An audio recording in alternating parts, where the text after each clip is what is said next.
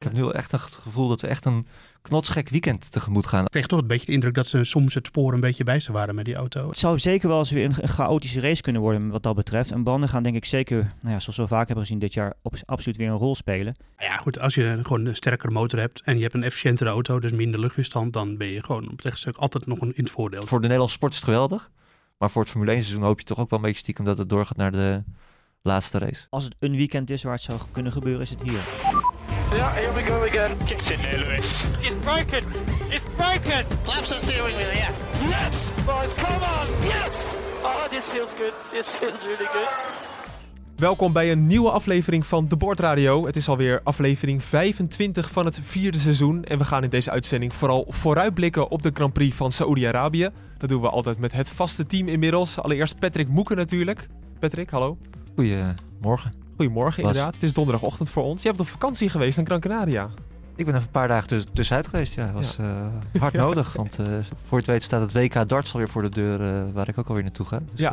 Ga je ook naar het WK darts? Ga naar het- Wist je dat niet? Nee? Ja, ik, ga, ik ben een nieuwe dartsverslaggever van. Echt waar? Ja, echt waar. Hebben ze de pijlen gericht op jou? Kijk eens zeg. Zo. Ja. 180. Ja, hij heeft geen bord voor zijn Ja, kop niet. Nee, nee. jongens, jongens. Nee, maar ik wilde ermee zeggen dat je lekker uitgerust bent. Hopelijk gaan we dat ook horen, deze podcast. Komt helemaal goed. Dan hebben we natuurlijk ook eh, Joost Nederpelt. Zou eigenlijk naar Saudi-Arabië, maar eh visum toch niet op tijd rondgekregen. Nee, zonde. Ja, Mis je, mis je het? nou, ik eh, bedoel, dat klinkt misschien verwend of zo, maar als er één race was die ik wel had willen overslaan vooraf, dan was het deze. En, dus ik vind het niet heel erg. Abu Dhabi, here we come, volgende week. Ja, ja, ik mag met je mee. Dat is gezellig. Ja, ja. Eerst nog even de derde gast. Nou, gast. Gewoon de derde onderdeel van het team. Dat is Hopin Toeng. Hopin, waar, waar zit jij eigenlijk? Want dat moet je toch even vertellen. Goedemorgen voor jullie, goedemiddag voor mij hier. Ik zit Ja. eh, momenteel eigenlijk eh, op de zee. Ik zit op een cruiseboot. Ongeveer niet. 30 nautische mijlen ten zuiden van eh, Hongkong, heb ik me laten vertellen, net door de kapitein. En ja, we zijn hier voor een, voor een verjaardag en jubileum van, van vrienden van, van ons. Dus ja, ik ben aan het dobberen, letterlijk. Maar een cruiseschip, dan zie ik gelijk zo'n Titanic voor me. Is dat ook gewoon zo? Ja, het is, het is inderdaad echt zo'n enorm, zo'n enorm schip wat je vaak eigenlijk alleen op foto's ziet. Is ook mijn eerste keer op zo'n boot. Oké. Eh, dat je dus echt, eh, nou ja, is- laten we zo zeggen, er is een hardloopbaan ehm, op het opperbovenste dek. En eh, daar kan je dus gewoon, eh, ik geloof als je 20 ronden doet, dan eh, heb je een halve marathon bijna in de been. Dus zo- zo'n grote boot is het. Jemig. Ja. Kijk eens. Lekker dobberen. En Ja. heel goed internet dus blijkbaar op die boot. Ja, Ja. inderdaad. Ja. Ja. Gaat prima. gelukkig maar. Nou, heel goed. Mijn naam is Bas Scharwachter. En eh, ja, we gaan het dus vooral hebben over de Grand Prix dat het zich afspeelt op Jeddah. En jongens, dat is toch wel een beetje een onbekend circuit. Patrick, word jij er een beetje enthousiast van als je nu de eerste foto's en beelden ziet? Eh, ik was een beetje sceptisch. Ik denk, ja, gaan we weer naar de- zo'n woestijnrace. hè, 13 in een dozijn, van, eh, die, die kennen we allemaal wel. Ja. Maar toch wel de plaatjes die voorbij komen. eh, ook vanuit het donker, dat heel veel licht. Ik wil niet weten denk ik, hoeveel energie ze daar gebruiken. qua, qua zuinigheid. Maar het ziet er wel gaaf uit, Ja. vind ik toch. Ja. Hey, Joost, jij ook enthousiast? Nou ja, als je gewoon even naar de stats kijkt die je hierbij hebt, dan is het eh, 79% van het rondje is, eh, is eh, vol gas. Ja.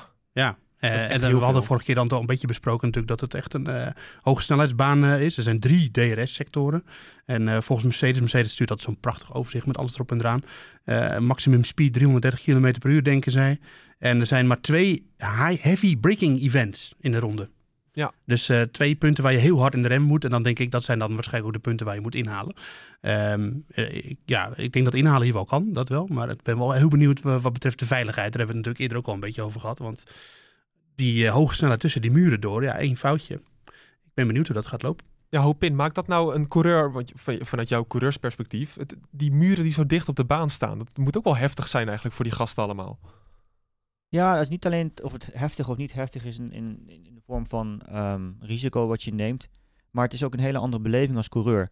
Eh, wat ik zelf altijd eh, als voorbeeld gaf in het verleden vaak, is bijvoorbeeld het circuit- van Hockenheim. Hè. Dat is eh, heel groot, heel open. En als je dan op een gegeven moment dat stadion daarin rijdt, ben je helemaal in één keer omringd door tribunes. En dat is voor een coureur geeft het meteen een heel ander gevoel. Ehm, natuurlijk als je dus op een straatcircuit rijdt, ehm, tussen de muren door. Op sommige plekken, ik heb een beetje van die computersimulaties bekeken al. Op sommige plekken lijkt het alsof er wel wat, eh, wat eh, uitloop is her en der. Ja. Maar ja, dan komt in één keer die muur ook wel weer heel snel eh, naar je toe. En dat doet wel iets met het, eh, nou ja, de manier waarop je eigenlijk eh, bochten inkijkt, hoe je ook weer vooruit kijkt als je in de auto zit. Ja, dat is zeker waar. Wat, het is een heel groot vraagteken hè, voor, eh, voor wie dit nou gunstig gaat zijn. Moeke, op basis van nou, wat Joost allemaal net zegt, is dit wel eh, Mercedes-paradijs eigenlijk? Op papier kan je daar niet omheen. Nee. Kijk, eh, er zijn natuurlijk wel andere factoren. Het is wel een stratencircuit. We hebben ook gezien in Baku bijvoorbeeld dat eh, Red Bull daar weer heel hard, eh, hard ging. Ja. Maar ja, in hoeverre is dit eigenlijk een stratencircuit? Want het is wel allemaal net, net aangelegd. Het is allemaal nieuw. Nieuw asfalt. Ja, dat, dat zijn nog vraagtekens. Maar als je gewoon puur naar de layout kijkt, hele hoge snelheidsbochten, de, de snelheid van de Mercedes op dit moment, ja, dan, dan moet Mercedes wel op voorhand de favoriet zijn, denk Ja, ik. en er is nog een team, Monza. Ik weet niet of je dat nog kan herinneren. Eh, toen won eh, McLaren natuurlijk. Ja, Eh. McLaren is gewoon goed op hoge snelheid. Ja, die, die verwacht ik ook wel een klein beetje vooraan. Niet helemaal vooraan, maar wel erbij. Ja. Net, als op, net als op Monza. Dat ze, Ricciardo de race natuurlijk uiteindelijk zelfs won. Het kan zelfs maar zo'n verstorende factor zijn. Misschien zelfs al dit weekend. En dat, ik, denk dat, ik denk dat Red Bull meer gebaat is bij een verstorende factor dan, dan Mercedes. Ja, maar zou die, dat hebben we toch ook gezien bij Alfa Tauri, McLaren, Mercedes? Nou ja, Monza gebeurde het wel. En ik weet dat Monza een ander soort circuit is dan dit hoor. Dus ik, Ja, ik nee, heb maar er dat, geen dat ik, maar ik bedoel, zou Mercedes het zover laten komen dat eh, als ze in die positie Nee, zitten, nee, dan nee. gaan het toch weer... McLaren is gewoon klant van, eh, van, van Mercedes. Mercedes heeft geen eh, invloed op hoe Mercedes de... Ik weet niet hoe dat nee, werkt. dat is niet zo. Echt niet. McLaren, heeft, McLaren is gewoon een zelfstandig team en die betalen gewoon voor de motoren. Dus die hebben geen... Nee, dat is, ja, dat is gewoon echt niet zo. Dat kun je van me aannemen. Mercedes heeft daar Als geen het om één puntje gaat, Nee, dat is niet zo. McLaren is een zelfstandige organisatie. Dus, maar ja, goed, hier ga ik je toch niet van overtuigen, want je blijft gewoon nee schudden. Maar McLaren is een zelfstandige organisatie, die betalen voor die motor. En Mercedes heeft geen invloed op hoe hun, zij, zij hun race gaan rijden. Echt niet, dat is echt niet zo. Het is heel anders dan we in Qatar hebben gezien Ja. met Gasly en Verstappen. Ja. Gasly wordt rechtstreeks betaald door Red Bull. ja. Dat is toch een heel groot verschil. Maar we hebben in het verleden toch wel vaker gezien. Nou, hoe dan ook, die, we kunnen die discussie nu eh, de komende half uur hier, klantenteams dat jij die, ja eh, gaat zeggen en ik nee ga nee, zeggen. maar dat is gewoon zo. Ja, nou oké. Nou, maar ik denk niet dat het zo is. Ja. Misschien eh, zit McLaren er niet eens vooraan bij en dan is dit niet eens een discussie. De contacten zijn in ieder geval wel nauw tussen de teams. Eh, ik zei al, nieuw, eh, nieuwe baan. Het is in april pas begonnen met bouwen. En het asfalt, dat ligt er echt nog maar een paar weken. Ja. Hoop in, ehm, asfalt en banden. Wat, want jij bent onze banden-expert natuurlijk. Wat, wat Hm. doet dat nou eigenlijk met elkaar? Nou, ik denk wat, wat je vaak ziet als een eh, baan eh, nieuw eh, wordt geasfalteerd. We hebben dat natuurlijk re- meest recentelijk in de Formule 1 gezien in Portimao bijvoorbeeld. Natuurlijk ook in Istanbul vorig jaar. Inderdaad, ja. Ehm, Maar dat was ja, chaos. er, ja, precies. En wat er dan gebeurt eigenlijk is dat er een soort van nou ja, een olieresidu komt eigenlijk uit, het, uit de oppervlakte naar boven. En zeker als de temperaturen wat hoger zijn, zoals in Jeddah het geval zullen zijn, boven de 30 graden, dan, dan zul je dat zeker zien. Ik denk een groot verschil met nou ja, wat ik met aanhaal met Portimao en ehm, Istanbul is wel het feit dat er hier ook support races zijn. Dus we hebben de Formule 2 die meerijdt. We hebben een Porsche eh, Support Series daar. Ja. En, en dat gaat zeker ervoor zorgen dat de baan zich sneller zal ontwikkelen dan nou ja, het geval was in eh, wat, ik, wat ik net noemde bij die races. Ehm, dat gezegd hebbende, ik heb een beetje geprobeerd te zoeken naar wat foto's van het, van het asfalt ook. Het ziet er wel naar uit, zoals wel, als, ja, misschien wat technische termen, maar het ziet eruit dat het relatief ehm, low micro en low macro is, zoals we noemen. Dat, dan praat je eigenlijk over de kleine en de grote steentjes van het asfalt. Ehm, dus ik denk ook dat dat de reden is waarom bijvoorbeeld ehm, Pirelli niet gekozen heeft voor eh, de, allerzag, de allerhardste compounds, zoals ze bijvoorbeeld deden in Qatar. Maar dat ze eigenlijk een stapje zachter zijn gegaan naar de middenrange van hun, eh, van hun portfolio qua banden, qua banden compounds. Ehm, dus ja, er zijn heel veel factoren die een rol gaan spelen natuurlijk. Hè. Eh, vooral ook het feit dat het weer tijdens de nacht is. Hm. We zagen natuurlijk dat eh, nou, in Qatar zagen we relatief veel eh, lekke banden. En dat kwam eigenlijk dat komt door veel, in combinatie van veel dingen. Ehm, dat zien we nu eigenlijk op dit circuit ook wel weer terug. Eh, hoge load, zoals we het noemen. Veel snelle bochten, lange tijd, veel neerwaartse druk. Hè, die, die neerwaartse druk, zeker op de langrechte stukken, moet op een gegeven moment door het karkas van de band gaat dat heen. Hm. Ehm, dus dat, ja, dat, dat gaat gewoon voor stress zorgen op die band. Ehm, zeker als je dus tijdens de nacht rijdt, temperaturen gaan omlaag. Dat heeft invloed op de bandenspanning. Ehm, bandenspanning is eigenlijk iets, daarom geeft Pirelli bijvoorbeeld ook altijd een minimum bandenspanning aan de teams. Eh, omdat eh, een bandenspanning geeft een soort van ja, eh, sterkte. Die geeft support eigenlijk weer aan, aan, aan het karkas van de band. Dus als je Ja. natuurlijk bij de start van de race dat temperatuur wat hoger is, dan start je bijvoorbeeld een bandenspanning, laten we zeggen, ik, ik noem maar gewoon een, een getal, 20 psi. En dan vervolgens, iets- hoger natuurlijk, maar 20 psi. En als dan de, de, de daalt, de baantemperatuur daalt, dan wordt het in theorie natuurlijk een stuk lager. En daarmee verlies je weer een stuk support. Dus ja, het, het, het zou zeker wel eens weer een, chaotische race kunnen worden wat dat betreft. En banden gaan denk ik zeker, nou ja, zoals we vaak hebben gezien dit jaar, absoluut weer een rol spelen. Ehm, als je al deze factoren bij elkaar optellen. Ja, we hebben in Qatar natuurlijk gezien dat, eh, dat de baan door het weekend heen een beetje heen en weer ging tussen wat nou eh, wat Red Ja. Bull beviel en wat Mercedes beviel. En dat, dat kan hier natuurlijk ook weer gebeuren. Ongeacht of, je nou, eh, of je nou heel veel profiteert van die hoge topsnelheid of niet. Ja, en precies. Ik denk dat inderdaad, als je puur naar de, naar de technische feiten kijkt, hè, eh, dan is Mercedes wat dat betreft zeker het voordeel op deze baan. Qua nou ja, eh, vermogen, ook qua eh eh, efficiency, op de manier waarop ze neerwaartse druk genereren. Ehm, maar ja, dat gezegd hebben, de, het meest cruciale is en blijft natuurlijk altijd of je een band in het goede bedrijfswindow weet te krijgen qua temperatuur. En als dat Red Bull wel lukt op een goede manier en Mercedes bijvoorbeeld niet. Nou, we hebben dat bijvoorbeeld ook weer in Mexico gezien, waar dat bijvoorbeeld in de kwalificatie ook weer andersom was. Ja. Dan kan het in één keer een andere kant opvallen. Dus ja, dan is het op papier misschien wel 100% een, een Mercedes-baan, maar de weersomstandigheden, eh, veel, er zijn veel factoren die ook weer hier een rol spelen.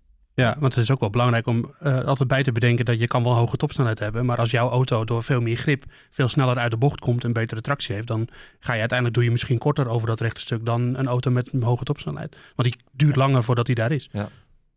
Mooi. Absoluut. Ja. Ja. wat je ook vaak, wat veel mensen eigenlijk vaak onderschatten ook. eh, heel veel mensen zijn eigenlijk gefixeerd op de, op de absolute topsnelheid. En dat is natuurlijk belangrijk, omdat je, nou, ja, als je wilt inhalen, is het natuurlijk handig als jouw auto sneller gaat dan die auto die je probeert in te halen.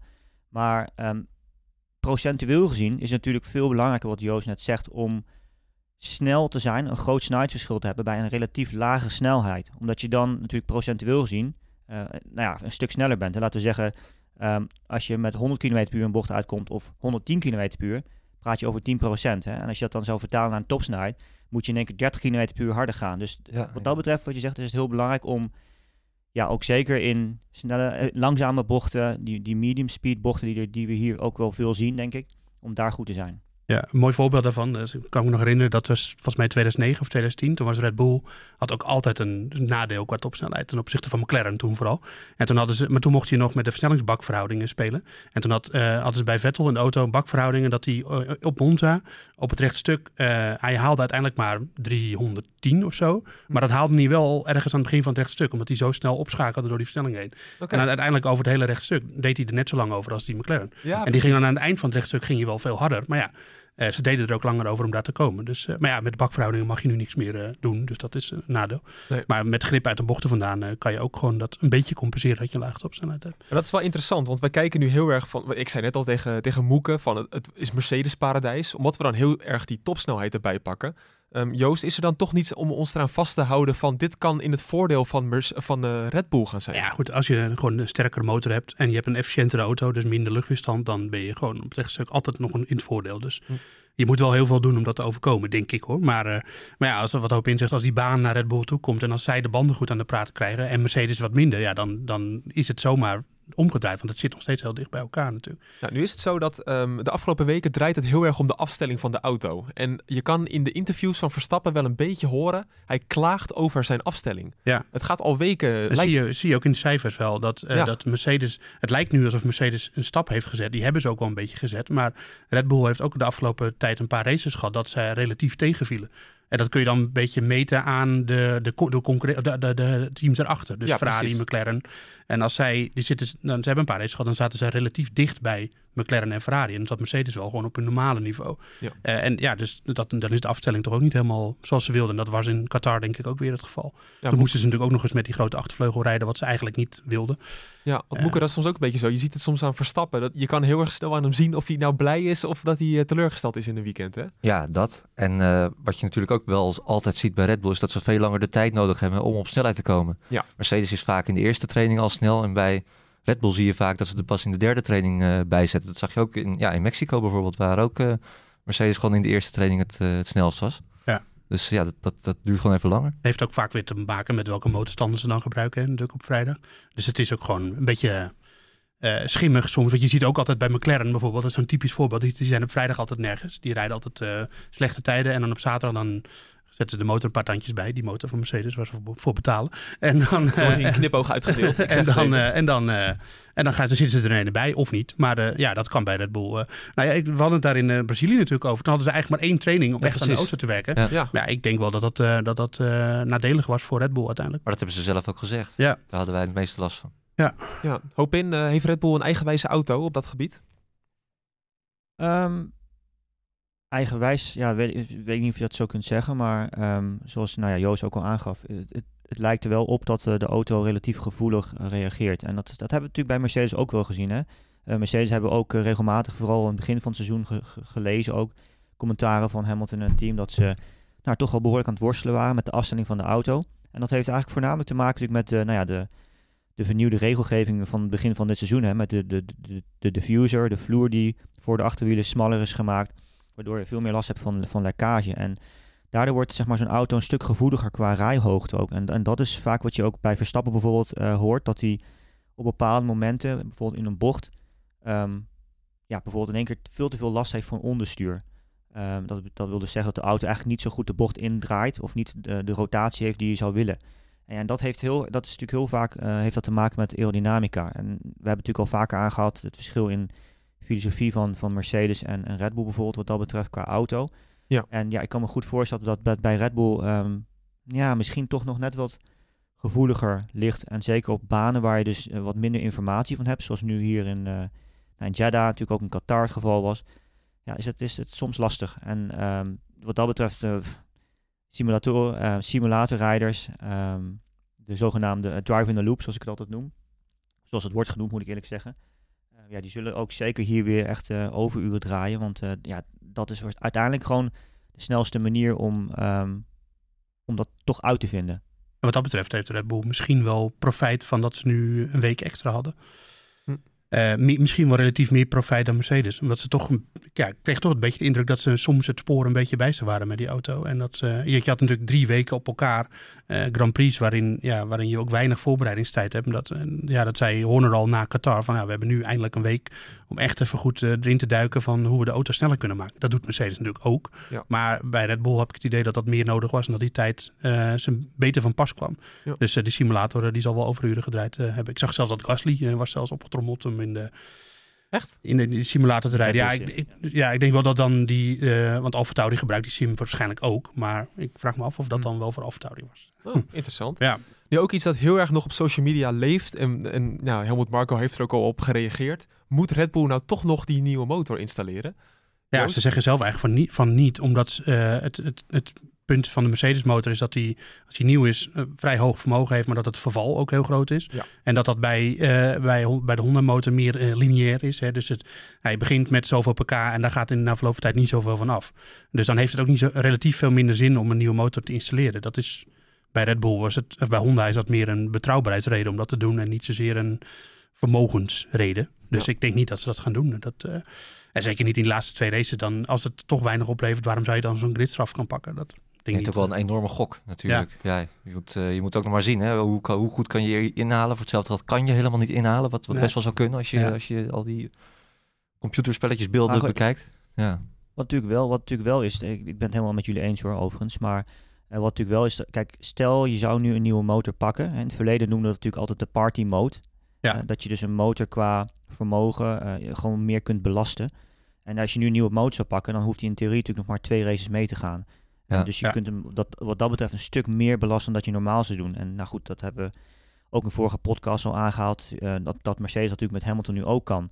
En dat verklaart ook af en toe een beetje waarom bijvoorbeeld eh, nou ja, Red Bull op de vrijdag misschien niet zo goed ervoor staat. Omdat ze natuurlijk vrijdagavond dan wisselen Ja. naar de motor die voor hen het beste is op dat moment. eh, met meer vermogen. Eh, die ze Ja, wat, wat agressiever kunnen draaien. Die stap in Rusland dat zie je bij. Mercedes natuurlijk ook zo. Ja, precies. Ja, Ja, maar nu is het natuurlijk wel zo dat we... We gaan Hamilton met zijn raketmotor, ja zoals we daar dat moeten we ook zeggen. een beetje mee stoppen. Met Ja, dat, goed. het, het is ook zo'n, het is een leuke term, maar het slaat helemaal nergens is op. een media dingetje geworden. Ja, ja, maar, maar die in motor... Brazilië was het een raketmotor. Nee, dat, het was gewoon de motor van dezelfde specificatie als die ze het hele seizoen al gebruikt. Dus Ja. het, het, is het, het is gewoon precies wat Hopin zegt. Hij hoeft minder lang mee, dus Nee. kun je hem zwaarder belasten. Nee, dat is Dus- zo. Maar ze dus- hebben natuurlijk wel, dat weten we nu achteraf, dat ze in Qatar dus niet die raketmotor, ga je Ja. hebben gebruikt. Nee. Ehm, maar nu gaan ze pas voor de tweede keer inzetten. Daarna hebben we nog Abu Dhabi. Dus ze kunnen hem heel erg hoog gaan opschroeven. Terwijl Honda misschien wel wat conservatiever moet zijn. Ja, nou ja, dat, het, het, het blijft een... eh, een eh, natuurlijk, het zal gerust wel een beetje zin hebben als Honda dat doet. Maar ja, als zij zelf zeggen van ja, bij ons is het gewoon vermogensafname of toename als je een nieuwe motor hebt. Dat is niet zo'n groot verschil. En je moet daar wel tien plaatsen voor terug. Of vijf dan, denk Ja, ik. vijf is ja, maar. Ja. Ja. Vijf. Ja. Ja, ja, je kan natuurlijk op... eh, kan dat op zaterdag nog eigenlijk? Nee, zaterdag kan het niet meer. Dan moet je dat op, voor de kwalificatie moet je dat al beslissen. Ja. Eh, dus ja, dat is een lastige keuze. Wat- ik kreeg nog een vraag binnen via podcast.nu.nl. Daar mag je altijd je vragen insturen. Eh ik moet ook vaak zeggen, soms dan zeggen mensen van... Hey, jullie hebben mij niet genoemd. Dat klopt ook wel, maar dan heb ik die vraag ergens gelezen... en dan was de naam er niet even bij. Dat is heel onprofessioneel van mij. Maar je leest alles, hè? Maar ik lees alles, dus Ja, dan alles. zit die vraag wel in mijn achterhoofd. Dus Ja. het heeft altijd zin om gewoon te mailen. Daar wil ik er toch even bij zeggen. Ondanks dat je soms niet genoemd wordt. Wie wel genoemd wordt is Bob Kruijer. En die zegt ook van, ja, hoe zit het nou eigenlijk met het vervangen van een motor? Moet je niet aangeven dat je daadwerkelijk ook klachten hebt? Of mag Red Bull gewoon voor de, voor, zeg maar voor de gein, omdat het beter is, een nieuwe motor erin gooien? Nee, je hoeft niet. te- als je, je, je krijgt daar een straf voor. Dus je mag gewoon een motor. eh, Je hoeft dat niet te nee, verantwoorden. dat, dat is alleen zo als je een. ehm, eh, als het eh, in de Park Vermee omstandigheden gebeurt. Dus dan, dan moet je dus aantonen dat er iets aan de hand is. En, Ja, dat je dan dat, en dan moet je het vervangen voor een, eh, voor een onderdeel van dezelfde specificatie. Hm. Ja. En als je die niet meer hebt, dan moet je... de- Dat hebben we dus volgens mij bij Rijkonen gezien. Was dat in, in Amerika? Toen moest hij naar achter, achter aan de grid. Of was dat in Amerika? In ieder geval was in een van die races. Of nee, Brazilië was dat. En toen moest hij naar de, naar de achterkant Ah. van de grid. Want toen werd in het park Vermee werd zijn achtervleugel vervangen. Maar ze hadden niet meer diezelfde specificatie. Toen kreeg hij een andere specificatie. En toen moest hij naar eh pitlane start zelfs. Ja, zeker. Ja. Dat is wel En bij grappig, Hamilton- dat- Ik weet niet of je dat nog mee... Sorry, of je dat nog meegekregen hebt dat je ach- over achtervleugels praat. Met Vleugelgate natuurlijk in, eh, in Brazilië. Dat Red Bull eh, voor de race eh, Verstappen's achtervleugel heeft gewisseld. Ja, Maar ja. precies eigenlijk. onder dezelfde omstandigheden. Ja. Park Ja. Vermee, dus ja, geen straf verder. Maar dat was natuurlijk wel een grappig detail, vond ik. En dat was al de vierde keer of zo. Dat, ik kijk elke zondag even, altijd even wat er voor allemaal vervangen is. En dan staan altijd weer eh, bij Red Bull. Staat, daar, daar zijn ze bij Mercedes natuurlijk wel een beetje... eh, Die vinden dat verdacht natuurlijk, Ja, dat steeds gebeurt. Maar dat heeft waarschijnlijk te maken met dat flapperende... eh, en dan haarscheurtjes vinden ze dan weer. En dat soort dingen. Ja, het is, eh, dat is wel een probleem hoor, bij Red Bull. Ik vind dat wel een beetje... eh, dat je in deze fase van het kampioenschap als top 10 nog zoveel problemen hebt met je achtervleugel... vind, ik- vind ik wel een beetje zorgwekkend. Ja. Dat vinden ze zelf denk ik ook wel. Want, eh, nou, ik denk dat moet. het wel mee te maken heeft dat je gewoon echt extreem op de limiet opereert natuurlijk. Hè? Ja. Dus sowieso natuurlijk qua dikte van het materiaal wat je wil gebruiken. En ik denk ook zeker nu... Eh, oh, uiteindelijk, eh, dit is natuurlijk ook het seizoen waar de, waar de budget eh, cap is gaan, gaan werken. En hoe je het bent of keert, dat gaat, gaat toch altijd her en der meespelen. Ik zeg niet dat dat de, de reden is dat, natuurlijk dat een achtervleugel niet sterk genoeg is. Maar dit heeft meer te maken met het opzoeken van de limieten en dergelijke. Maar ja, alles, alles speelt ook weer mee natuurlijk wat dat betreft. Ja, nou, wie- ik ben ook eh, in die fabriek geweest een keer bij Red Bull. Maar ze hebben, ze hebben ook echt een afdeling. Die, die onderdelen komen dan terug. En dan re- restaureren ze alles. En dan checken ze alles. En dan wordt alles met allerlei scanners. Wordt dat nog weer nagekeken of er ergens haarscheurtjes in zitten. En dan nog kan het dus voorkomen dat je op het circuit ineens en een... eh, zeker omdat hij natuurlijk zo dun mogelijk is. Dat er dan ineens een scheurtje in zit. Dus, eh, en het zijn ook vaak dus niet altijd nieuwe onderdelen of zo. Dat, Nee. Niet dat het altijd maar een nieuw onderdeel. Het zijn vaak gewoon eh, gerestaureerde dingen. Dus ja, dan kan dat gebeuren. Er zat van de week Dat iemand... dus nu niet meer, hè? vanwege budget cap. Nee, Dat nee geen... groot verschil. Ja, voorheen dan was het dan je wat makkelijker. vervangen. Ja. Ja, ik moest wel lachen. want v- Vorige week had je dan het Formule 1 café op Ziggo. En daar was, zat dan een vrouw van McLaren, een Nederlandse vrouw. Die dan aan een heel klein stukje van de diffuser had gewerkt, geloof ik. Ergens aan de achterkant van de auto. Mhm. Die, die heeft dat helemaal verteld daar. Ja. Dat was voor jou, Joost, nog wel interessant om eh, te kijken. Ja, Ja. Je bent niet de grootste fan van Formule, Formule 1 café, kijk ik toch? niet altijd naar. Nee. Nee. Het is wel leuk dat iemand dan zo gedetailleerd kon vertellen over echt een paar centimeter op de auto. Dat eh, vond ik wel interessant om, eh, om te horen. Ja. En ook nog eens Nederlands. Ehm, maar sowieso over Vleugelgate, ja, Moeke, daar horen we eigenlijk eh, best wel weinig over hè, nu. We wachten nog op die technical, technical directive natuurlijk. Van of het wel of niet, eh, of, die, of die aangescherpt wordt. eh, wat er nou wel en niet mag. Ja. Ja, eh, ik, ja ik, ik denk misschien gaat het wel een stille dood eh, sterven. Ja, denk je dat Mercedes zo stom is om weer die motor te gebruiken, of die, ehm, die vleugel te gebruiken? Nee, niet Ja. als alle schijnwerpers erop zijn. Ja, tenzij Als zij... die vleugel überhaupt bestaat, hè, dan moeten we er Ja. even bij zetten. Ja. Dat is waar, dat ja. is natuurlijk gewoon een Red Bull verhaal. Dat die, en dat zou best kunnen dat zo is, maar Ja, dat moeten we er wel bij zeggen. Dat, Heel we- goed, Joost. moeten dat niet als feit gaan. eh. Of als ze zeker weten dat het wel eh, legaal is. Dat, ja. Ja. Kijk, zij zeggen gewoon, we hebben de VIA uitgenodigd om te komen kijken. Meerdere keren. Hm. Ze hebben niks gevonden. Eh, ja, prima. Wij, wij gaan lekker door. Dus je dat zag- wordt heel erg Ja, je interessant. zag wel filmpjes ook, hè? Je zag wel, ik, ik heb wel op, op, zelf ook lopen zoeken ernaar. En je zag wel wat filmpjes her en der van mensen die dat dan zelf editen. Van een achtervleugel die, waar de DRS open gaat bij Mercedes. En dat je inderdaad het, het hoofdelement aan de achterkant een beetje ziet doorbuigen op het rechte stuk. Maar goed, uiteindelijk gebeurt dat natuurlijk altijd. Hè? Hoe sterk je een vleugel ook maakt. Op een gegeven moment zit er natuurlijk altijd een soort van flex in. Ja. En de vraag is gewoon of het binnen de limiet blijft of niet. Ja. Dat dat hetgeen is waar het, eh, waar het om gaat. En dat, dat inderdaad hangt natuurlijk ook weer af van de manier waarop je het meet. Ja, dat wordt heel erg interessant. Ja, want even voor, voor de duidelijkheid om het verhaal goed eh, uit te leggen. Dus eh, volgens, dit is ook volgens Red Bull, maar er zijn wel meerdere teams die dat beaamd hebben volgens mij. Dat er dus wel een soort als proef een nieuwe test was in Qatar. Eh, en die zou dan waarschijnlijk, die telde toen nog niet mee voor de officiële keuring. Oh ja. En ehm, daar is die achtervleugel doorheen gekomen. Maar was dat dezelfde als in Brazilië? Mercedes zegt van wel, Red Bull zegt van niet. En nu gaan we in, in Jeddah zien eh, in hoeverre Mercedes weer, eh, ja, of dat weer een rol gaat spelen en of, of Red Bull daar weer over begint. Want zij hebben gezegd, als ze die vleugel nog een keer zien, waarvan zij dus denken dat hij doorbuigt, dan tekenen protest aan. Dus ja, ze daad bij het woord voegen, dan gaat het dit weekend weer een rol spelen. We gaan kijken naar de titelkansen voor Max Verstappen in Saoedi-Arabië. Want Moeke, laten we even eerlijk zijn. De beker is mee. Ja, hè, ik weet niet hoe lang we nu bezig zijn, maar het, eh, we zijn rijkelijk laat, moet ik zeggen, om, eh, om te benadrukken dat dit het eerste weekend ooit is Ja. waarin er een, Neder- oh, waarin er een, eh, een Nederlander wereldkampioen Formule 1 kan worden. Ja, Ja, dat is natuurlijk ongelooflijk uniek. Hadden we met puntje van eh, kritiek, maar dat hadden we meteen moeten mee moeten beginnen natuurlijk. Nou, misschien ook wel, maar komt het ook niet een beetje omdat niemand dit eigenlijk verwacht nog? Of ligt dat een beetje aan mezelf misschien? Nou ja, dan moet Hamilton uitvallen. Ja, Nou, ongeveer. Nou ja, maar er moet hem wel iets overkomen in de race. En dat, eh, dat gebeurt niet heel vaak. het is een stratencircuit, het is een heel eng circuit ook. Dus Hamilton kon ooit zelf in China ook kampioen worden de eerste keer. Ja. Toen eh, parkeerde hij zijn auto eh, in het grind, toen Ja. hij de pits in wilde rijden. Maar eh, we kunnen ze wel even doornemen, de, de, de, De scenario's. Kom erop. Ja, als Verstappen wint en de snelste ronde klokt, dan moet Hamilton als zesde of lager eindigen. Oké. Eh, als hij wint zonder de snelste ronde, moet hij als zevende of lager eindigen. Maar dan zit ik even te kijken hoor. Dus dan zou eh Perez voor hem moeten zitten, Bottas, twee McLaren's. En dan moet er eigenlijk nog iemand dus bij. En Verstappen natuurlijk. Ja. Dat, dat is wel veel. Ja, nou ja, je, ja, je weet het niet. Het, Nee. het kan ook gewoon zijn, er hoeft maar iets geks te gebeuren weer. in Ja, er, eh, er, er moet iets gebeuren. ja, er moet, is- er moet iets gebeuren. Als gewoon, als gewoon een, een weekend zoals we zoveel vaak hebben gezien dit jaar, dan... eh, op normale snelheid gaat, Gaat het Hamilton niet, natuurlijk eh, nooit dat niet, Nee hè? nee. podium. Dat, Nee. Maar als, als het een weekend is waar het zou kunnen gebeuren, is het hier. Ja, er precies. zijn zoveel ja, onberekenbare factoren die hier gaan spelen. Nieuwe baan, nieuw asfalt.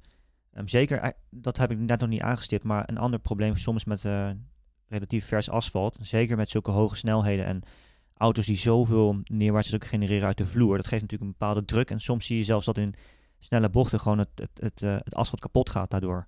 Als het, als het te vers is. Ja. Oké, ja. Er zijn heel veel dingen die kunnen meespelen hier. ja. ja, we ja, hebben, precies. We hebben ook wel eens putdeksels gezien die eh, loskomen. Ja. Dus eh, ik hoop dat die Ja, allemaal we- vastgelast zitten. Maar ja, ik, dat, dat, dat, ik heb vaker het gevoel dat we een mooi weekend tegemoet gaan. Maar Ja. ik heb nu echt een het gevoel dat we echt een Ja. knotsgek weekend tegemoet gaan. Ook omdat dit scenario op tafel ligt. De spanning staat toch ook bij Hamilton volop. Ze weten van, nou, eh, Mercedes, we kunnen ons geen foutje permitteren. Hè. Eh, eh, iedereen zei inderdaad wel vaak van, nou ja, één uitvalbeurt is, is cruciaal. Maar als het nu gebeurt, is gewoon de titelstrijd beslist. En die, Dus, eh, eigenlijk die ene onnodige uitvalbeurt is niet geweest dit seizoen. Eh, be- Behalve dan, kijk, een lekke band van Verstappen. Maar dat niet gerelateerd aan een fout of een motor. Nee, ja, in 2016 plofte Hamilton's motor ook in, in eh, Maleisië aan het eind van het jaar. En dat ja. kostte hem de wereldtitel eigenlijk. Ja. ja het is, eh, maar om nog even af te maken, hij kan dus ook eh, wereldkampioen worden als hij tweede wordt. Stappen hebben we nu ook. toch? Ja. Ja, Ja. zeker. Ja, Hamilton kan geen kampioen Nee, dat worden. is Nee, nee, moet dat, eh, duidelijk zeggen. Dat, Dit weekend. dat, wordt een lastig verhaal. Ehm, als Verstappen tweede wordt in de snelste rondeklok, dan moet Hamilton als tiende of lager eindigen. Hm. Eh, en als hij tweede wordt, dan mag, moet Hamilton uitvallen om, eh, om de titel te pakken. Ja, Ja, het, het, is, eh, het zou ongelooflijk zijn. het zou ongelooflijk zijn. Ik zou, ja, het, het, het- ook misschien een klein beetje toch een anti Ja, het zou het, gewoon, het- voor de Nederlandse sport is het geweldig. Maar voor het Formule 1 seizoen hoop je toch ook wel een beetje stiekem dat het doorgaat naar de laatste race. Ja, Dat hopen Bas en ik ook wel heel erg. En jij ook. Maar dat, eh, Ja, jullie gaan erheen natuurlijk. ja, ja, daarom. Dus, eh, maar eh, ja, ik, ik, het is wel een beetje onwerkelijk eigenlijk. Dat je Ja, gewoon dat een, een, een. Nederlandse coureur hebt die wereldkampioen kan worden. Maar dat, dat helpt ook niet mee nog nu dat het gewoon een vrij... Nou, ik zal niet zeggen onwaarschijnlijk, maar ja, het is eigenlijk wel een onwaarschijnlijk scenario dat het dit weekend gaat gebeuren. Ja. Ehm, kijk, Ja, en, alles wat je zegt, gebeuren. ja, precies. En alles wat je zegt dat Hamilton kan overkomen, dat kan Verstappen natuurlijk ook overkomen. Ja. Ja. Net zo goed. Dus daar moeten we ook. eh, ja, Maar het ligt wel ook op de loer. Het is, het is gewoon een straatcircuit, de muren dicht langs elkaar. Ja. Gigantische snelheden. Nou, je had hem toen voor het eerst gereden. Zei je ook van ja, een, een gigantische klapper eh, ligt op de loer. Hoe kan dit in hemelsnaam goed gaan? Ja, in de Formule 1 game op de Ja, PlayStation. Er wel eh, even bij zeggen natuurlijk. Ja, nee, dat, dat- daar- daar kan je gewoon hem spelen. Dat is echt wel een aanrader om dat toch nog even te doen. Want dan merk je gewoon na de eerste rondes dat je hem rijdt. Ja, je knalt 16 keer tegen de muur aan. Ja, dus, Moet je geen idee hebben waar je naartoe moet. Nou ja, dat, eh, dat, ik denk niet dat die, de coureurs dat eh, tijdens de eerste training gaan doen. Maar nee, dat dat is, denk ik ook eh, niet. ja. Misschien Mazepin, maar... Maar dat is wat, Je weet het niet. Wat, wat wel grappig is dat je zult zien ook, eh, bij, bij de coureurs, als coureur zijn, dan weet je natuurlijk vaak wel hoe de layout van de circuit is. En zeker ook als je met een simulator vaak gereden hebt. Ja. Maar eh, zeker in dit geval hier in, in Jeddah, zul je zien dat, eh, zoals altijd hoor overigens, eh, alle coureurs een, eh, een klein printoutje hebben. Een klein printje van het, eh, de circuit eh, layout. Met Oh ja. alle bochtnummers erbij. Dus als ze met de engineer praten, kunnen ze precies zeggen welk bochtnummer eh, ze het ook daadwerkelijk over hebben. Want eh, ja, veel, veel circuits waar, waar, we natuurlijk vaker rijden, ik noem maar Silverstone bijvoorbeeld, praat je bochtnummers, maar praat je soms ook over bochtnamen. En weet je eigenlijk altijd waar je het over hebt. Maar zeker met zo'n nieuwe baan zoals nu, eh, is wel leuk om te zien. Let er maar op. Vaak is dat in de cockpit aan de linker of Ja. de rechterkant, aan de zijkant, is dat aan de binnenkant geplakt. En Ja. er zijn maar liefst 27 bochten. Ja, Dus precies. eh, ga, ga die maar eens onthouden allemaal. Dat, eh, Ja. Het is wel de vraag of Perez er de ruimte voor heeft. Want die rijdt altijd met de pauze in zijn auto. Met de pauze. Ja, die heeft altijd een fotootje van de pauze. Echt waar? Oh ja? Oh, dat hebben we nog nooit gezien. Nee, dat eh, is me wel eens, wel eens opgevallen, ja. Oké. Ja, dat is wel geinig. Misschien, ja, dat heeft hij volgens mij elke race, dus dan moet hij het ernaast gaan plakken. Ja, dat kan wel. Eh, dat wordt heel erg interessant. Ja, dus over de titelkansen. Ehm, inderdaad, we hebben liever dat het in Abu Dhabi gaat gebeuren. Maar ja, het zou zomaar kunnen. Nog een scenario dat op tafel ligt. Een potentiële crash. Kijk, in het begin dachten we van, nee, hier moeten we niet over praten. Dat is gewoon een beetje gênant. Maar het kan natuurlijk steeds realistischer gaan worden. Het wordt ook meer normaal. We beginnen aan het idee te wennen dat het zou kunnen. Toch, Moeke?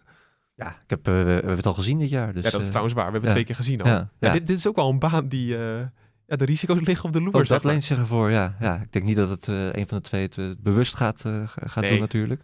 Maar ook dat, ja, als die, als die twee... En inhalen is lastig hier. Je weet als... eh, nou ja, Verstappen kan meer risico nemen dan Hamilton als hij, er, eh, als hij erachter zit. Ja, dat, dat is nog een extra factor die dit, eh, dit circuit glans geeft, zeg maar. Ja, nou, ik ben ook benieuwd naar bocht 1. Want ja, voor de mensen die hem al gespeeld hebben, je hebt op een gegeven moment in de laatste sector heb je een heel lang rechte stuk met DRS. Dan heb je een soort grote hairpin. En daarna heb je nog een keer DRS over start-finish. Ja. En dan is het gewoon een haakse bocht naar links. Ja, dat is ook een echt, echt, echt uitremzone. En dat, eh, dat is wel een van de potentiële actiezones, inderdaad. Ja, Ja. ja. ook al helemaal omdat dat gewoon eh, eigenlijk in die derde sector is bijna alleen maar DRS. Dat is Bizar. eh, ja, dat zijn drie. D- ja, de, de, de eerste DRS-sector ligt dan, oké, die ligt in de tweede sector, maar wel aan het einde daarvan. Ja. En dan is het derde sector zitten twee DRS-zones in. Dus dan, dat heb je natuurlijk ook eh, op eh, Interlagos gezien, dat, dat je dan steeds dichterbij komt. En dan, dus dat is een ultieme potentiële clash zone, inderdaad. En ook natuurlijk bij de eerste bocht, of in de, bij, de, bij de start al. Dus eh, ja. we gaan het zien. Het wordt een uh, billenknijp weekend en dat, dat is toch alleen maar leuk. Dat willen we graag. Ja, de start wordt echt, wordt echt chaos. Heel krap daar in het begin, dus dat wordt, dat wordt genieten in ieder geval. Ehm, nou, dat eigenlijk even over het circuit. Er is eigenlijk nog heel veel meer gebeurd deze week. Bijvoorbeeld het overlijden van, van Frank Williams. Ehm, dat toch ook wel een beetje als een soort schok in de Formule 1-wereld eh, rondging. Ja. Eh, en daar gaan ze ook bij stilstaan dit weekend, uiteraard. Minuut stilte, geloof ik ook. Ja. Ja. Ja, het, eh, ja, het is gewoon zwaar terecht natuurlijk. Enorm. Kijk, de, de, de, de mensen die de laatste jaren zijn ingestapt, die kennen Williams alleen als achterhoede team. Ja. Maar dat, dat was in de tijd dat ik Formule 1 ging kijken en Patrick en op Indink ook, eh, was Williams gewoon een van de absolute topteams. En de jaren 90 hebben ze grotendeels gedomineerd. Ehm, en de jaren 80 ook trouwens. Dus eh, deels. Het was altijd McLaren, eh, Williams. En, eh, en Ferrari speelde er eigenlijk niet eens een grote rol in. Dus ja, dat was gewoon een topformatie. En het is eigenlijk jammer dat hij de laatste jaren zo ter ziele is gegaan. En, en, ehm, en dat het natuurlijk uiteindelijk ook verkocht is. Want het deed nu nogal Williams. Maar dat is het gewoon niet meer. Ehm, maar echt een, een man die ontzettend eh, mooie dingen heeft laten zien in de Formule 1. Met, een, met echt ook iconische auto's. Als je die auto's van de jaren 80 ziet met die Canon, Camel, sponsoring allemaal. Ja, bedoel, eh, dat, eh, dat, dat zijn gewoon eh, iconen in de Formule 1. En daar, daar, daar, daar hebben zijn teams volgens, of zijn team heeft daarvoor gezorgd. Ja. Was ook een harde zakenman, want hij was ook wel eens gewoon hard met coureurs die hij ontsloeg. Bijvoorbeeld Damon Hill, die in 1996 kampioen werd en wel gewoon plaats mocht maken aan het eind van het seizoen. Ja. Dat je dus jouw coureur die wereldkampioen wordt, dat je die gewoon eruit gooit. Dat is ook moedig. Maar ehm, ja, dat, dat soort dingen, dat, eh, dat was ook Frank Williams, maar vooral gewoon een eh, slimme team-eigenaar. En echt iemand met een, gewoon een privéteam, met een familieteam. Weet je, wat je nu eigenlijk gewoon niet meer ziet. En dat, eh, dat verdwijnt daarmee ook langzaam een beetje uit de Formule 1. Dat is natuurlijk al gebeurd eigenlijk toen het over werd genomen vorig jaar. Maar nu, ja, definitief met zijn overlijden. Hopin, jij hebt heel veel aan, aan Frank Williams te danken, toch? Ja, zeker. Ja, het is inmiddels al lang geleden natuurlijk. Maar ehm, nadat ik het eh, Formule BMW Asia kampioenschap heb gewonnen destijds in 2003, Ja. heb ik toen een Formule 1 test gehad eh, voor BMW Williams. Destijds in eh, december, december 2003 op het circuit van Jerez de la Frontera in Spanje. Dus ja, dat was erg mooi. Ik kan me dat nog heel goed herinneren. De dag dat ik, ik moest op de fabriek komen voor een, ehm, een stoeltje, om een stoeltje te maken en met de engineers overal doorheen te lopen en dergelijke. En eh, ja, ik, ik, kwam daar de fabriek binnenlopen en eh, daar in de lobby stond een Formule 1 auto, zoals altijd eigenlijk. Die, die staat altijd op display als je binnenkomt. En eh, daar stond al een stickertje op met mijn naam. Dus dat is wel echt, eh, wow, je moet je voorstellen, een jong, jong gastje daar naar binnen loopt en dat ziet, eh, wel, wel gaaf. Ja, En joh. inderdaad dan nou ja, naar, naar, naar het kantoor van Frank Williams. En ja, ontzettend... wat, ja, ik kan eigenlijk aanvullend op wat Joost zei. Ontzettend aardige man ook, wat dat betreft. En ehm, in de afgelopen jaren ook zeer regelmatig nog steeds gezien. Ehm, ik was eh, actief voor Jaguar in de Formule E als ontwikkelingscoureur. En eh, ja, spendeerde daarvoor heel veel tijd bij, eh, bij Williams. omdat Williams Advanced Engineering de technische partner is van Jaguar in de Formule E. Oké. En eigenlijk altijd vaker ja, de, de, de, de nachtshifts in de simulator. Eh, dan aten we altijd even snel ehm, eh, in, de, in de kantine, in de bedrijfskantine. En eigenlijk stevast zat Frank Williams daar dan ehm, ook te eten. En dan tegelijkertijd naar de nou ja, televisies te kijken waar vaak eh, oude races op werden afgespeeld. Eh, Monza met Montoya, kan me bijvoorbeeld in Vorken nog kan herinneren. Ehm, en dan ja, altijd eh, binnenlopen, even glimlachen, even een knikje, gedag zeggen, heel kort gesprekje. Ja, echt, nou ja, ik zei echt de autosport door zijn aderen lopen. Ja. Ehm, enorm veel passie en ook echt, ja, ik, ik vind het altijd heel mooi om te- hoe, hoe enorm gedreven die man was. Je moet je voorstellen dat, in- dat je in deze sport ehm, nou ja, moet overleven in die zin. eh, eh, het is extreem competitief en eh, dat je zelf dus eh, nou ja, fysiek dusdanige ongemakken hebt en in, in een rolstoel gekluisterd bent. En desondanks gewoon zo'n stempel weet te drukken op de sport ehm, is, ja, is, is echt ontzettend bijzonder. Ja, ik denk dat het ook mis is gegaan met Williams toen, eh, nadat hij gestopt was. Als teambaas. Ja. Ja. Toen, eh, toen er andere mensen zijn gekomen, hij werd toch minder belangrijk voor dat... eh, voor de, hij was er natuurlijk altijd wel bij, maar zijn invloed Ja. was uiteindelijk minder groot. Ja, volgens mij is het ook... ehm, vooral toen ze met BMW, eh, met BMW uit elkaar gingen. Sindsdien is het echt wel bergafwaarts gegaan. Ja, toen, ja. Op een gegeven moment kregen ze ook een deal met Toyota motoren. En dat ging echt van de ene motorleverancier naar de andere. En dat... Ja, ik denk dat dat, dat team eh, ook... En daar moesten ze dan waarschijnlijk ook gewoon voor betalen voor die motoren. Zowel met BMW was echt een partnership Ja. natuurlijk. Dus dan, die betaalden dan ook mee aan de bonnetjes. En dat, ik denk dat dat ook wel echt gewoon... dat was een beetje toen het verval echt ingezet. Want ze, eh, de laatste wereldkampioen met de Williams was Villeneuve, denk ik, in 97. Ook op Gerrit Gerrit de La Frontera. Ehm, maar daarna, in de beginjaren 2000, toen was het gewoon echt nog een topteam met BMW en met eh, Montoya, waar Ja. Noemde het net, en eh, Ralf Geweldig. Schumacher. Ja. Toen zaten ze er ook gewoon nog vooraan bij.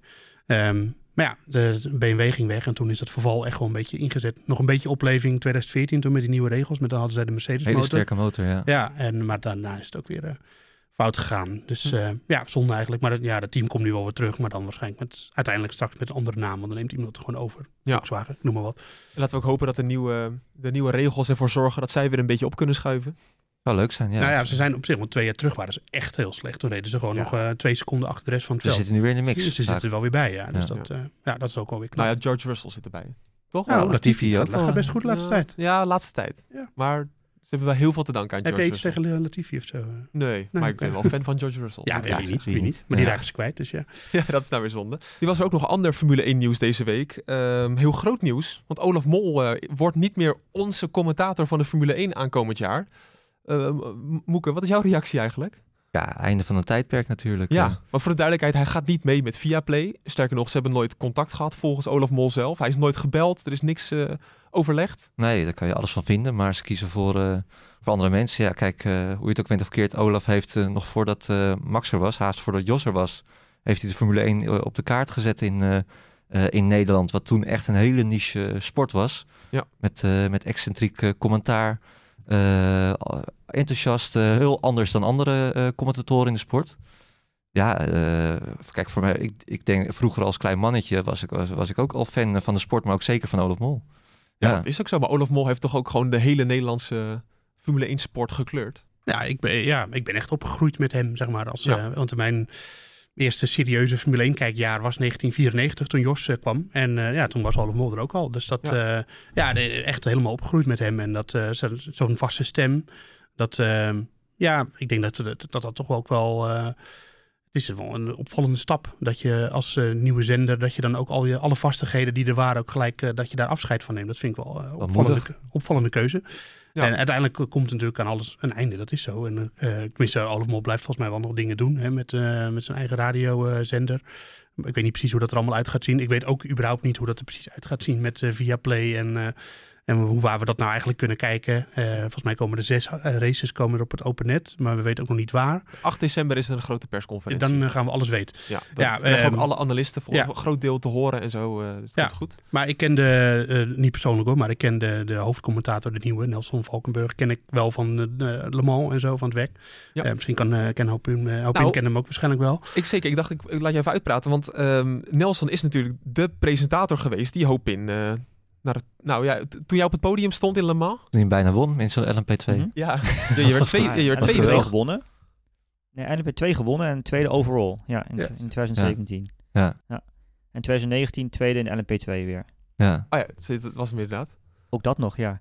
Eh, 85, jaar, 85 edities Le Mans 24 uur. Nog nooit eerder gebeurd. Hm. Geweldig. Ja. Bijzonder moment. Mooi? Maar jij kent hem wel, eh, Nelson Valkenburg, eh, Hoop in. of niet? Jazeker, ik ken Nelson heel goed. Zijn vader, ehm, Gert Valkenburg, ehm nou, Mr. Formule Ford noemden ze hem vroeger.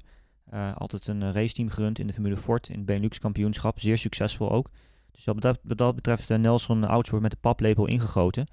Ja. En ja, ik, ik, ik, echt gewoon een beetje wat jullie zeggen natuurlijk. Ik ben ook opgegroeid met Olaf Mol als stem van de Formule 1. Ehm, ook ik ben een fan van hem, wat dat betreft. Ehm, eh, het is moeilijk om Formule 1 voor te stellen zonder hem. Dat gezegd hebbende, Nelson is iemand die zeer bekwaam is, denk ik. En ehm, zeer veel eh, kennis heeft van de sport. En eh, samen met eh, Melroy, Melroy van Heemskerk, ook een, zelf een oud coureur, of ex-oud coureur.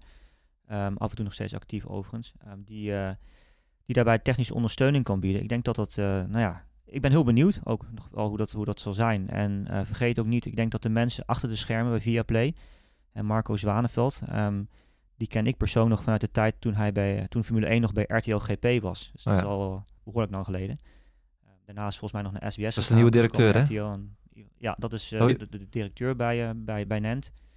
Ehm, iemand met zeer veel ervaring. Dus ik, ik kan me heel goed voorstellen dat deze beslissing niet over eh, één nacht ijs gegaan is. En ik, ik denk zeker... eh, ja, ik ben heel benieuwd persoonlijk wel hoe het, hoe het gaat uitpakken. Ja, nou ja, maar dat het een, eh, een eh, afscheid is van een, eh, een grootheid, dat betekent natuurlijk, dat zegt natuurlijk niets over de nieuwkomers. En die, eh, ja, die, eh, Nee, ben heel benieuwd hoe dat gaat, Kijk naar, gaat kijk, naar, zijn. ja. Ja. kijk naar het Britse commentaar bijvoorbeeld ook. Hè. Ik, ik denk dat je iedereen... ik, lees een beetje op Twitter mee en sommige mensen die, die halen bijvoorbeeld Murray Walker aan in Engeland. Hè. Oh, dat was natuurlijk de stem van Formule 1. En, maar goed, als je nu bijvoorbeeld naar Formule 1 kijkt, naar Crofty, Brundle, noem maar al die mensen. dat- Daar in, in Engeland is het ook vaak van her naar der gegaan. Tussen Sky en BBC en noem maar op. En is het daardoor slechter geworden? Nou, ik, ik denk het zeker niet. Dus wat dat betreft, soms is vernieuwing ook goed. Eh, of dat nu goed is geweest, dat zal de tijd moeten uitwijzen. Dat, eh, ik, ik, wat dat betreft heeft denk ik niemand een glazen bol. Nou, ik zou het persoonlijk niet erg vinden als Crofty niet 10 Red Bull eh, drinkt voordat hij aan de uitzending begint. Maar voor de rest, eh, dat vind ik echt veel te hysterisch. Maar eh, Martin Brundle ben ik groot fan van, zeker weten. Ja. Ja. Ja, nou, dat gezegd hebben, eh, da- daar dus ook dat eigenlijk over twee races, dus het grote afscheid van Olaf Mol. En- Ja, we weten natuurlijk niet, misschien gaat er nog wel wat anders gebeuren. We, ik bedoel, Nee, dat klopt. ja, Misschien dus, niet definitief en dat hij later weer terugkomt, eh, dat weten we Dat allemaal weten we allemaal niet. Hij is al eens eerder eh, terzijde geschoven, soort van. eh, Toen was en- binnen een jaartje weer terug. Ja, dus eh, we gaan het allemaal zien. Ja, we gaan het allemaal meemaken. Dat zou dus over eh, twee weken dan al zijn en dan misschien wel met een wereldtitel van Max Verstappen. Wie Eerst zal het is- zeggen? Eerst, ja, precies. Eerst nog even dus eh, de race op Jeddah. Ehm, als we kijken naar het Nieuwsport GP-spel, mannen. We gaan het er niet helemaal bij halen, maar daar mag je wel een voorspelling doen. Ik begin met Moeken. Gewoon een top 3? Ja, gewoon top drietje. Ja? Ja, dan zit je toch in dubio. Hè? Ga, je, ga je wat geks voorspellen of ga je gewoon... Je moet eh, gewoon of- voorspellen wat je denkt. Anders is het geen voorspelling. Oké. Ik denk dat Verstappen kampioen wordt. Ik Echt? denk dat hij wint. Ik denk dat er wat geks gaat gebeuren met Hamilton. Ja. Eh, De motor te ver opgeschroefd. weet ik niet of hij raakt toch heel knullig een... eh, hij maakt voor het eerst in jaren een echt een overduidelijk foutje dat hij hem dat hij in, in de muur knalt. Ja. Verstappen wordt wereldkampioen. Dat, eh, daar laat ik het eventjes bij. Eh, Hamilton 1, Stappen 2, Bottas 3 en we gaan door naar Abu Dhabi. Ja, Dat hoop, is, dat is mijn voorspelling. ja, hoop in. Heb jij nog een eh, verrassende voorspelling? Oh, zal ik dan de spelbreker zijn en denk dat Hamilton inderdaad gaat winnen? Bottas tweede finish en Hamilton als kampioenschapsleider de laatste race ingaat? Oh, Stap op drie. Oh. Hey. Dat kan natuurlijk ook nog. Ja. en dan is het hele scenario met crashen en zo. Dat, dat is dan weer in het voordeel van Hamilton Ja. natuurlijk. Het is maar goed dat je op een boot zit op in, want het Nederlandse volk komt je nu met brandende fakkels op. ja. En hij was zo populair. Steeds als we een stuk met Ja. hoop in hadden, dan was iedereen zo ik. enthousiast Ja, over hem. gooi je glazen snel in zo. ja. Ehm, wil je daar nog veel meer... eh, dit, is, dit, is, dit is geen mening, hè? Dit is Nee, nee, mening. nee, Het is gewoon nee. objectief bekeken natuurlijk. Ja. Ja, heel goed. Heel Ja, goed. Ja, nee, ik kan ook hier nu de, door, de deur open doen en meteen eraf springen. Aanbevolen worden jullie. Nee, nee, zeker niet. Ja. Eh, nog één dingetje om te melden. Als je nou eh, nog niet genoeg hebt van Hoop in Toen, dan kan je heel erg goed terecht op nu.nl. Wij hebben namelijk een blokje op, eh, op nu.nl. Dat moet ik al weken vertellen van onze chef Colin van Hoek. Nee, zeg dat dan Oh, daar moet ik er niet bij zeggen. Hij zegt, vergeet het niet. Nee, maar het is wel belangrijk om te zeggen. Op nu.nl hebben wij een blok staan, dat heet Nu Plus. En wie zit er daar nou achter? Nou, dat zijn onze mannen, Joost en Patrick. Die schrijven er alle analyses voor. Het is echt maar, zeg maar de extra duiding op het Formule 1 eh, nieuws. Dus niet even een simpel interview met iemand, maar echt, wat betekent dat nou? Eh Moeke, dat is een heel belangrijk stukje geworden op nu.nl, toch? Ja, ja, nee, dat, eh, extra wat je zegt, extra wat achtergrondartikelen. Want nu.nl is normaal als eh, kort, eh, krachtig, moet allemaal snel zijn. Maar daar eh, op dat blok hebben we de ruimte om de, dieper de inhoud eh, in te gaan. Ja, Ja. dus eh, blijft allemaal gratis, kost allemaal niks. Dus. Nee, het enige wat je moet doen is, dan moet je even inloggen. Eh, Joost, kijk ik jou even aan. Dan denken mensen van, oh, eh, kost dat dan geld? Wat moet ik daarvoor doen? Gratis. Neem vooral een kijkje dit weekend ook op Nu Plus voor alle laatste analyses. En daar kom je dus ook twee keer Hoop in tegen. Geschreven door, eh, door Moeke. Ja, eh, Ghostwriter. ja, ja, ja, Ja. ja, komt helemaal goed.